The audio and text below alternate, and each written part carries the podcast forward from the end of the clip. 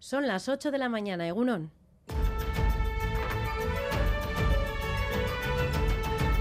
Crónica de Euskadi con Irache Martínez. La proyección de la peli ya fue un premio eh, increíble y la verdad es que recibir esto es una auténtica pasada. Agradezco al festival, a toda la organización porque ha sido un, un sueño, o sea, ha sido la hostia. Y a, pues a todo el público que, hacéis esto, que yo soy parte de, vosotros. Eh, el año que viene no tendré peli, pero estaría ahí, eh, entre la jauría gritando. Así que os juro, por los dioses, que voy a seguir haciendo fantástico para venir año tras año, con peli o sin peli. ¡Aposiches!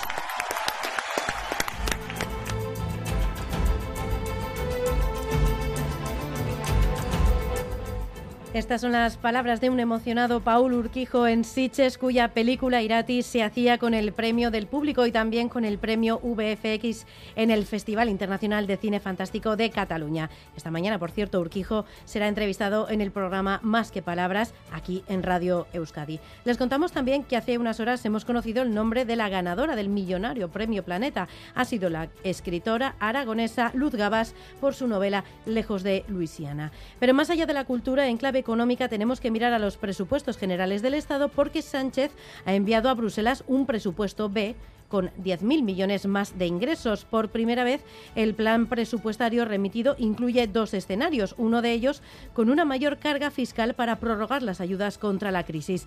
Además, el presidente del Gobierno español apostaba en Berlín por el denominado modelo ibérico para la reforma del mercado energético, además del objetivo común de lograr la interconectividad energética a escala de la Unión Europea.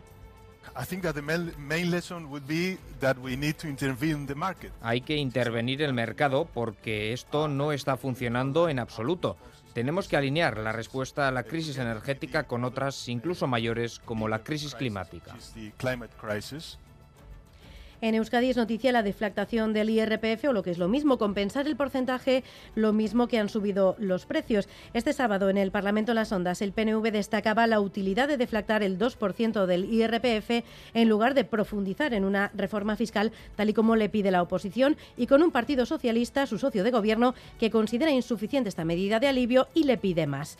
Además, en esta portada tenemos que dar cuenta de una trágica noticia. Los equipos de Sosdeyac evacuaron ayer el cuerpo sin vida de un escalador que se precipitó mientras escalaba el Salto del Nervión en Amurrio. Se trata de un hombre de 54 años que se encontraba escalando en esta zona junto a un grupo de personas y por causas que se desconocen caía al vacío en una zona de difícil acceso. Los equipos de rescate, tras varias horas de trabajo, solo pudieron certificar su fallecimiento.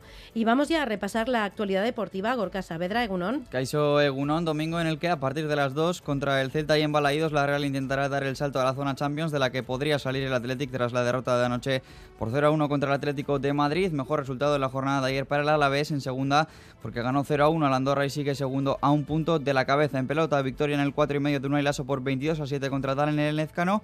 Hoy turno para Altuna contra Peña y en baloncesto a las 8 de la tarde encuentro de liga para Basconia contra el Zaragoza. Todo ello tras la derrota en el día de ayer de Bilbao Basket en Granada. Y atención porque hoy nos espera una jornada de mucho calor. Euskalmet, Jonander Arrillaga, Egunon. Kaisho Egunon, hoy los protagonistas van a ser el viento sur y las altas temperaturas de la vertiente cantábrica, donde las máximas se van a acercar a los 30 grados tanto en el interior como en la costa, donde va a ser difícil que entre la brisa. Pero no solo va a hacer calor de día, la próxima madrugada también va a ser muy templada, sobre todo cerca de la costa. Y esto va a ser debido al viento sur que va a soplar con intensidad durante casi todo el día, por momentos con rachas fuertes.